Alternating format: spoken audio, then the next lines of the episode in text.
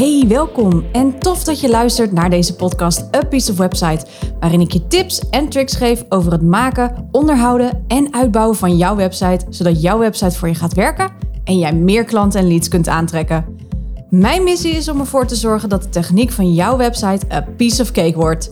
Ik ben je host, Cheryl Porcelein, webdesigner en taggirl en dit is A Piece of Website, de podcast.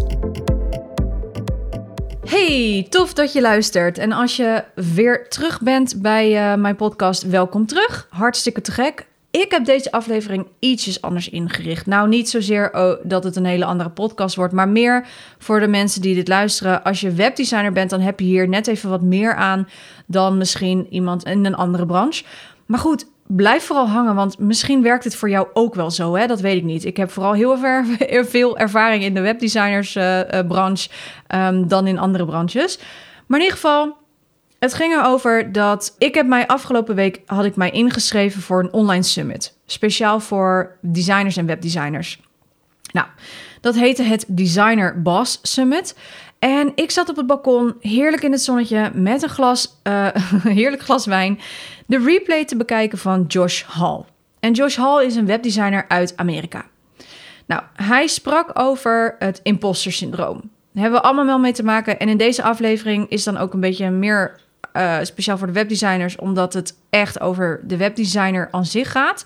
En ik weet dus niet hoe zich dit verhoudt qua tips en visie die ik hierover deel uh, in andere branches. Maar wie weet helpt het voor jou ook. Dus het zou tof zijn als je blijft hangen. We hebben het vast wel eens allemaal meegemaakt. En misschien heb je het nog. Ik wel in ieder geval. Dat imposter syndroom. Het voelen, het onzeker zijn van... kan ik dit wel? Wie ben ik dan? Heb ik het wel, heb ik wel wat te melden? En ik heb dat ook nog steeds. Ook met deze podcast die ik nu opneem of die ik heb opgenomen, alle afleveringen, denk ik wel eens: hm, wat zouden anderen hiervan vinden? Is het wel, hm, heb ik wel wat te melden? Is het wel waardevol? Maar goed, Josh die gaf dus een aantal tips over hoe je beter om kunt gaan met dat imposter syndroom. En één tip daarvan was: er bestaan geen experts.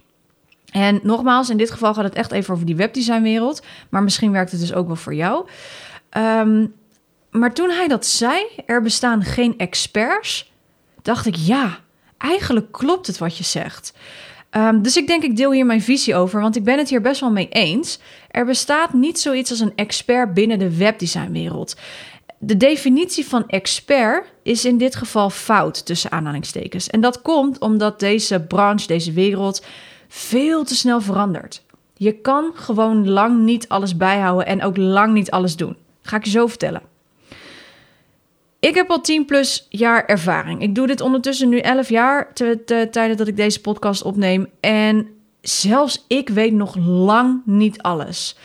En tuurlijk noem ik anderen ook experts, hè, want ik heb het altijd over expert in je eigen vak. Maar eigenlijk gaat het hier om specialisme. Dus we mogen de definitie experts mogen we los gaan laten en gaan vervangen, vind ik, door specialisten, door specialisme. Want Binnen de webdesignwereld zitten ontzettend veel verschillende aspecten. We hebben het design, dus daar zit functioneel design tussen, daar zit user experience tussen, strategie, strategisch webdesign zoals ik doe, maar ook copywriting, SEO, content schrijven, conversion-based design, snelheid. Nou, het is echt mega veel. En dat is echt nog maar een klein, want ik kan, ik heb hier een boekenkast achter me staan vol, vol met verschillende aspecten van die webdesignerwereld. Um, dus het is gewoon ontzettend veel. Nou, het goede nieuws is, je hoeft niet alles te kunnen. Het belangrijkste is wel dat jij een goede basis hebt. Dus let me explain. Als jij bijvoorbeeld SEO helemaal niet leuk vindt, hè, de search engine optimization, zoals ik bijvoorbeeld, ik vind dat, ja, ik vind het interessant, maar ik, ik vind dat niet, dat zou ik niet op dagelijkse basis willen doen, zeg maar. Dus dan hoef je dat dus ook niet te doen, als je maar de basis kent. Ik ken de basis van SEO. Ik weet ongeveer een beetje hoe het werkt. Hè? Ook al is het maar een heel klein topje van de ijsberg. Maar ik, ik weet ongeveer hoe het werkt. En ik zet het ook goed in de website van met headings werken, alt tags voor afbeeldingen, etc.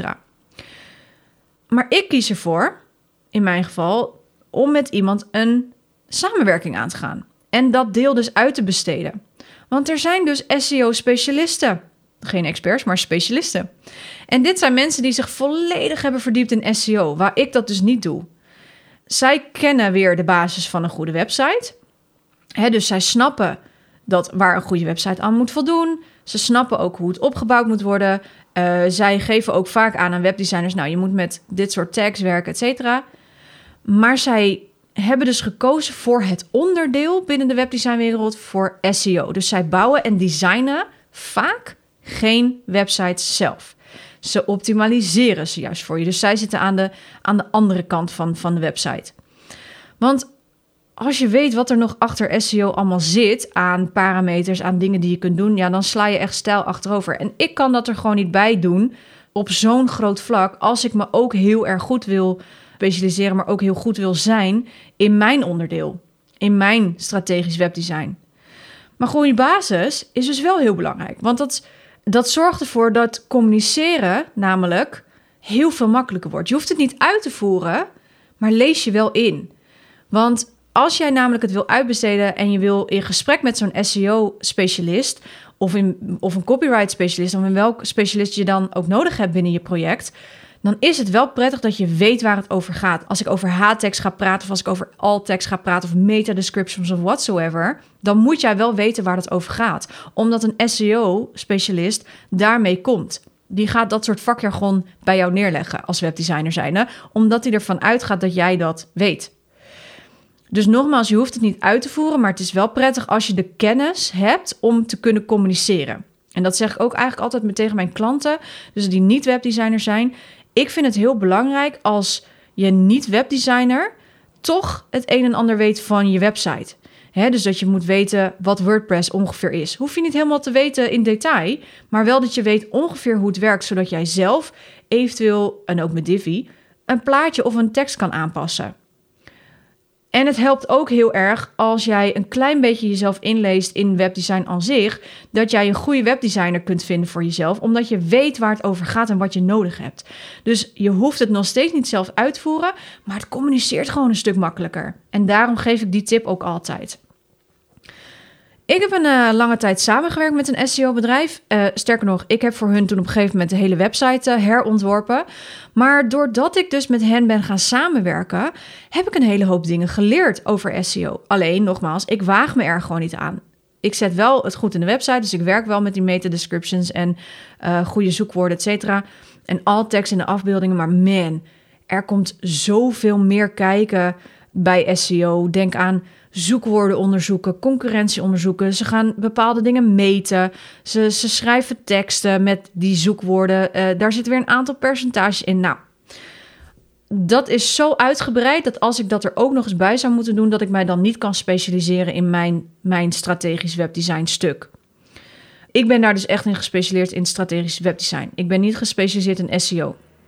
Nou, mocht je daar meer over willen weten over wat strategisch design precies is, dan verwijs ik je graag naar aflevering 98.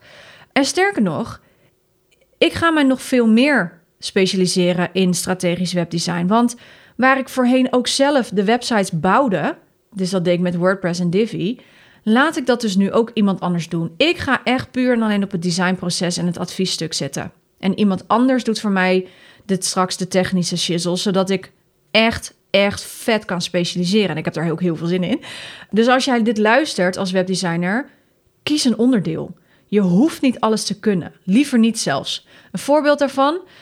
Ik heb heel vaak met mijn klanten besprekingen over websites, uiteraard. Maar vaak komen er ook andere vragen naar voren, omdat ik dus het strategische deel ook bij mij uh, gedaan kan worden.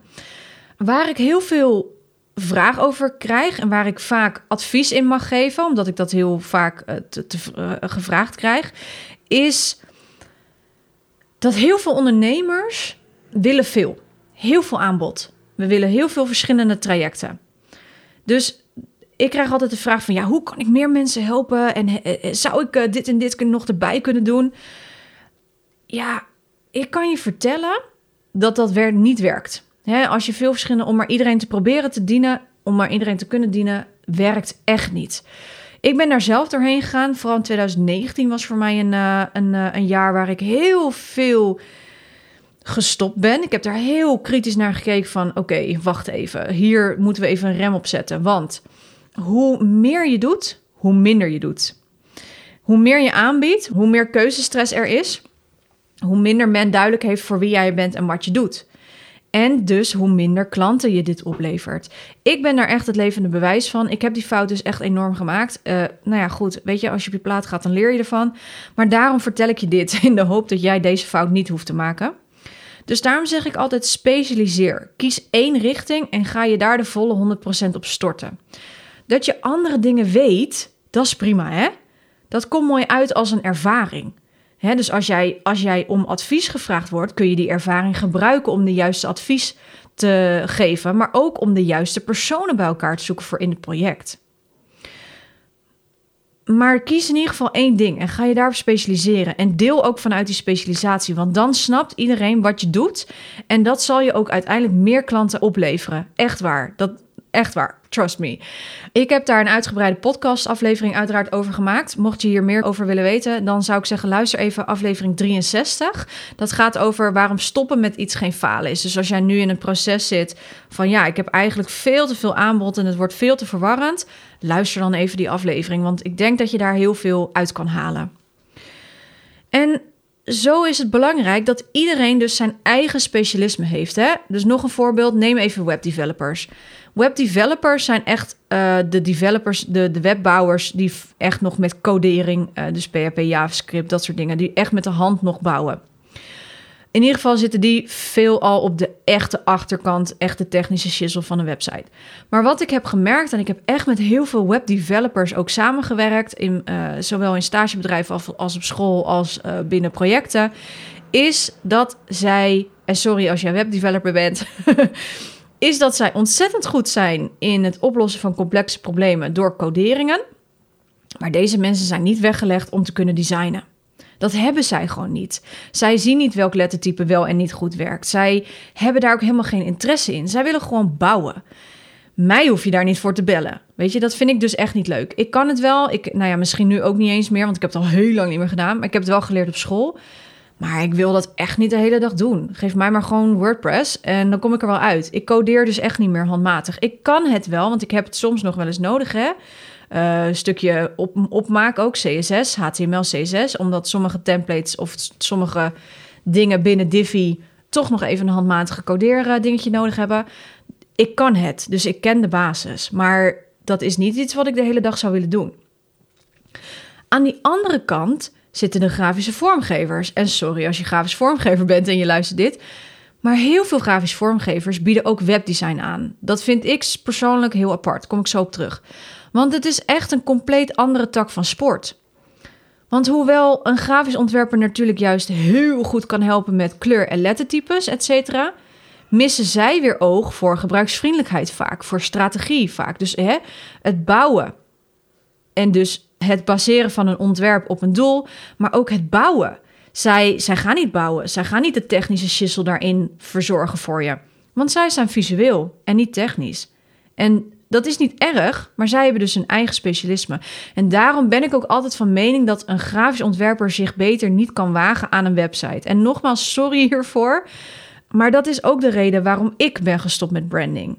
Ik kan het, ik ken de basis, maar ik ben geen grafisch vormgever, dus ik ben ermee gestopt. Hè? Ik, ik ben er zelf achter gekomen dat dat niet goed ging. Ik kan prima logo voor je in elkaar zetten, maar ik verwijs je dan veel liever en met heel veel liefde ook naar een goede grafische vormgever. Ik blijf bij mijn specialisme als strategisch webdesigner. En ik denk dat, dat je dat als welke persoon, welke branche in zit, dat, dat dat ook een keuze is waar je echt, echt op mag gaan, ja, waar je in mag gaan, gaan staan. En zo heeft ieder zijn eigen specialisme. Er zijn dus geen experts. En je hoeft niet overal goed in te zijn. Hè? Je kunt je beter specialiseren in plaats van alles een beetje kunnen. Want je kunt gemakkelijk met iemand anders samenwerken als je kennis tekort komt. Dat is helemaal niet erg. Want weet je, dat is het juist het mooiste van het ondernemen. Iedereen heeft zijn eigen skills. En het zou wat zijn als iedereen hetzelfde zou kunnen. Dan wordt het wel heel erg saai. Dan, dan is die concurrentie moordend. Dan, dan heeft het ook helemaal geen nut. En dan zouden mensen het ook niet bij je uitbesteden, hè? omdat jij dus gespecialiseerd bent daarin. En ook hè, als je dit luistert, als je geen webdesigner bent, als jij voelt um, van ja, maar wat heb ik dan nog te vertellen? Kijk dus of je een specialisatie kan kiezen. Er zijn duizenden coaches die schieten met paddenstoelen uit de grond. Er zijn ook duizenden webdesigners die schieten ook met paddenstoelen uit de grond, zeker in deze digitale era waar we in leven. Er zijn duizenden VA's, duizenden advocaten, noem het maar op. Maar ieder van die personen heeft een specialisatie. De ene webdesigner is dus gespecialiseerd zoals ik in design, de andere in een technisch stuk. He, zie je ook vaak met de VA's. De ene VA is meer op, op administratie gericht, de andere VA is meer technisch gericht. De ene coach is meer op strategie gericht, de ander meer op sales, de ander weer persoonlijke ontwikkeling, etc. Waar wil jij in zitten? Dat is de vraag. waar word jij nou het meest blij van? Specialiseer je daarin en deel ook vanuit die enthousiasme, die passie voor dat onderdeel vanuit jouw branche. Ik kan dagen praten over mijn, mijn passie voor strategisch webdesign. My god, mensen worden af en toe helemaal, helemaal gek van mij als ik het daarover begin. Maar daardoor komen wel de juiste mensen echt op je pad, I promise. Want ik ben daar zelf dus ook doorheen gegaan. Dus um, weet je, specialiseren betekent niet dat je ineens niemand meer kan helpen. Nee, het betekent juist dat je duidelijker bent in wat je doet. En daar komen juist de juiste mensen op af. In plaats van de mensen die je eigenlijk liever niet of beter niet had kunnen helpen. Want voor iedereen is er wat wils. Dus blijf bij jezelf. Er bestaan dus geen experts, maar wel de specialismen. En ik denk dat het een hele goede is uh, voor ons om die mindset daarin te veranderen, zodat we elkaar veel meer in hun waarde kunnen laten en dat we ook van elkaar gebruik kunnen maken als ondernemers. We hoeven niet alles alleen te doen. Dat is ook helemaal niet nodig, want iedereen heeft zijn eigen specialisme.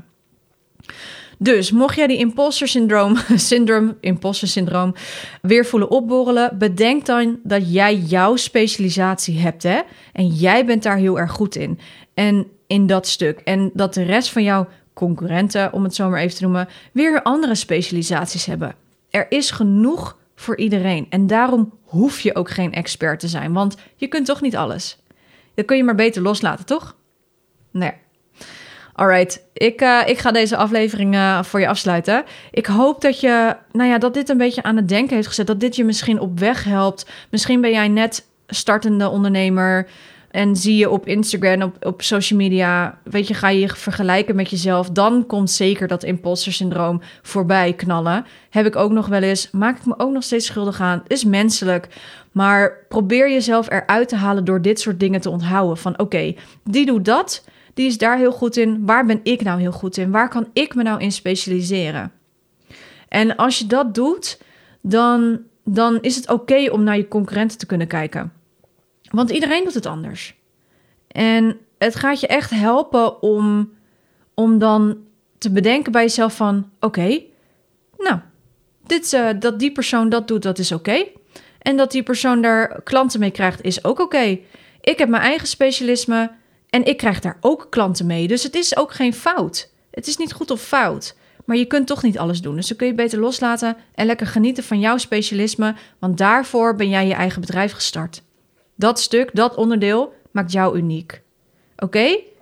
Dus, ik wens je een hele fijne dag en uh, tot de volgende keer. Doeg! Wacht! Voor je deze podcast helemaal afsluit, ik heb nog iets heel tofs voor je. De gratis website snelheidscheck staat voor je klaar. Een snelle website is namelijk van belang, want wist je dat 79% van je bezoekers niet meer terugkeren naar je website als deze te traag laat? Dat percentage is echt mega hoog. Maar hoe weet je of je website snel genoeg is? En wat moet je doen als je website dat niet is? No worries, daarom heb ik de website snelheidscheck in het leven geroepen. Je ontvangt een persoonlijk rapport over jouw website en in dit rapport vind je een overzicht met je snelheidsprestaties en ontvang je tips en quick wins om je website direct te versnellen. Je kunt de website snelheidscheck volledig gratis aanvragen via www.apieceofwebsite.nl/snelheidscheck.